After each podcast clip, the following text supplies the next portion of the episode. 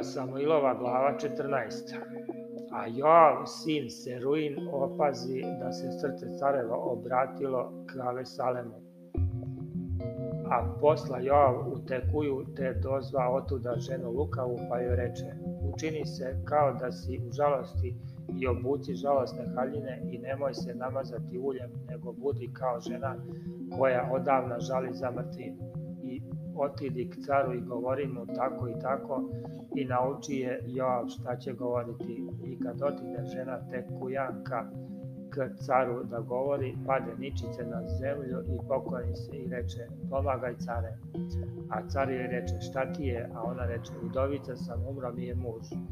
A imaše sluškinja tvoja dva sina pa se sladiše u polju, a ne beše nikoga da ih razvadi, te jedan udari drugog i ubi ga.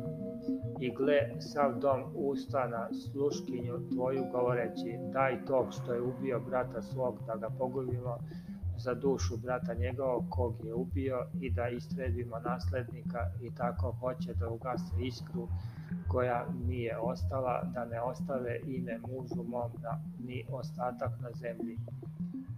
A car reče ženi, idi kući svojoj, a ja ću narediti za te. A žena tekujanka reče caru, care gospodaru, neka na i na dom oca mog padne krivica, a car i njegov presto neka je prav. A car reče, ko uzgovori na te, dovedi ga k meni i neće ga te se više dotaći A ona reče, neka se opomene car gospoda Boga svog, da se ne umnože osvetnici koji ubijaju i da ne ubiju sina mog. A on reče, tako živ bio gospod, nijedna dlaka tvog sina neće pasti na zemlju. A žena reče, da kaže slučkinja tvoja nešto caru gospodaru, a on reče, govori. A žena reče, a zašto si namislio takvu stvar narodu Božijem? jer car kao da je kriv govoreći tako, jer neće car da dozove natrag onog kog je odagnao.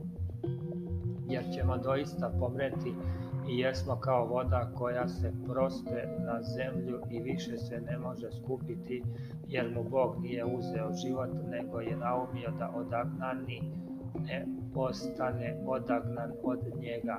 I tako dođo da kažem ovo caru gospodaru svom jer me narod uplaši, zato reče sluškinja tvoja da govorim caru, može biti da će učiniti car šta sluškinja njegova kaže.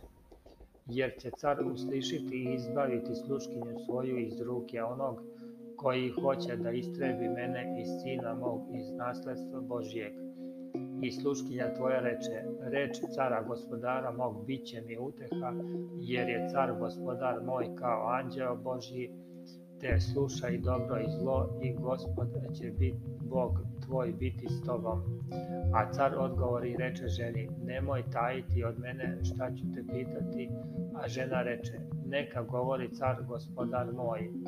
Tada car reče, da nije Joavov posao u svemu tome što činiš, A žena odgovori reče, tako da je živa duša tvoja, care gospodaru, ne lože se ni nadesno ni nalevo od svega što kaza car gospodar moj, jer sluga tvoj Joav zapovedio mi je i naučio sluškinju tvoju sve ovo da govori.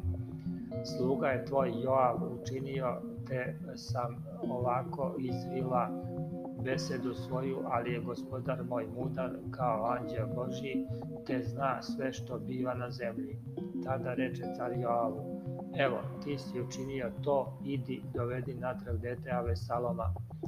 Tada pade Joava lice na zemlju i pokloni se i blagoslovi cara i reče, Joav, Danas vidi sluga tvoj da sam našao milost pred Bogu tobom, care gospodaru, kad je car učinio šta mu sluga njegov reče. Potom se podiže Joav i otide u Gesur i dovede natrag u Jerusalim na Vesaloma. I car reče, neka ide svoje kući, a lice moje da ne vidi i otide Avesalom svoje kući i ne vide lice carevo a ne beše čoveka tako lepa kao je Salom e, u svem Izraelju, da ga tako hvale od pete do temena ne beše na njemu mane. I kad bi strigao glavu, a imaš običaj svake godine strići je, jer mu beše teško, merio bi kosu s glave svoje i bivaše je 200 cikala zatkomerom merom i rodiše se Avesalomu tri sina i jedna jednaći, kojoj beše ime Tamara i ona beše lepa. I Avesalom osta cele dve godine u Jerusalimu, a lice careva ne vide. Tada posla Avesalom po Joava da ga pošalje k caru, ali on ne hte doći k njemu i posla opet drugi put, ali on ne hte doći. Tada reče slugama svojim, vidite li njivu Joavovu pored moje, na njoj je ječam, idite i upalite je i upališe sluge Avesalomove onu njivu. Tada se podiže Joav i dođe k Avesaloma u kuću i reče mu, zašto sluge tvoje upališe moju njivu? A Salom reče Joavu, eto, slao sam k tebi govoreći, hodi ovamo da te pošaljem caru da mu kažeš zašto sam došao iz Gesura, bolje bi bilo da sam još onde zato da vidim lice carevo, ako li ima kakva krivica na meni, neka me pogubi. I otide Joav k caru i kazao i dozvave Saloma, a on došavši k caru pokloni se licem do zemlje pred carem i car celiva Avisaloma. Saloma.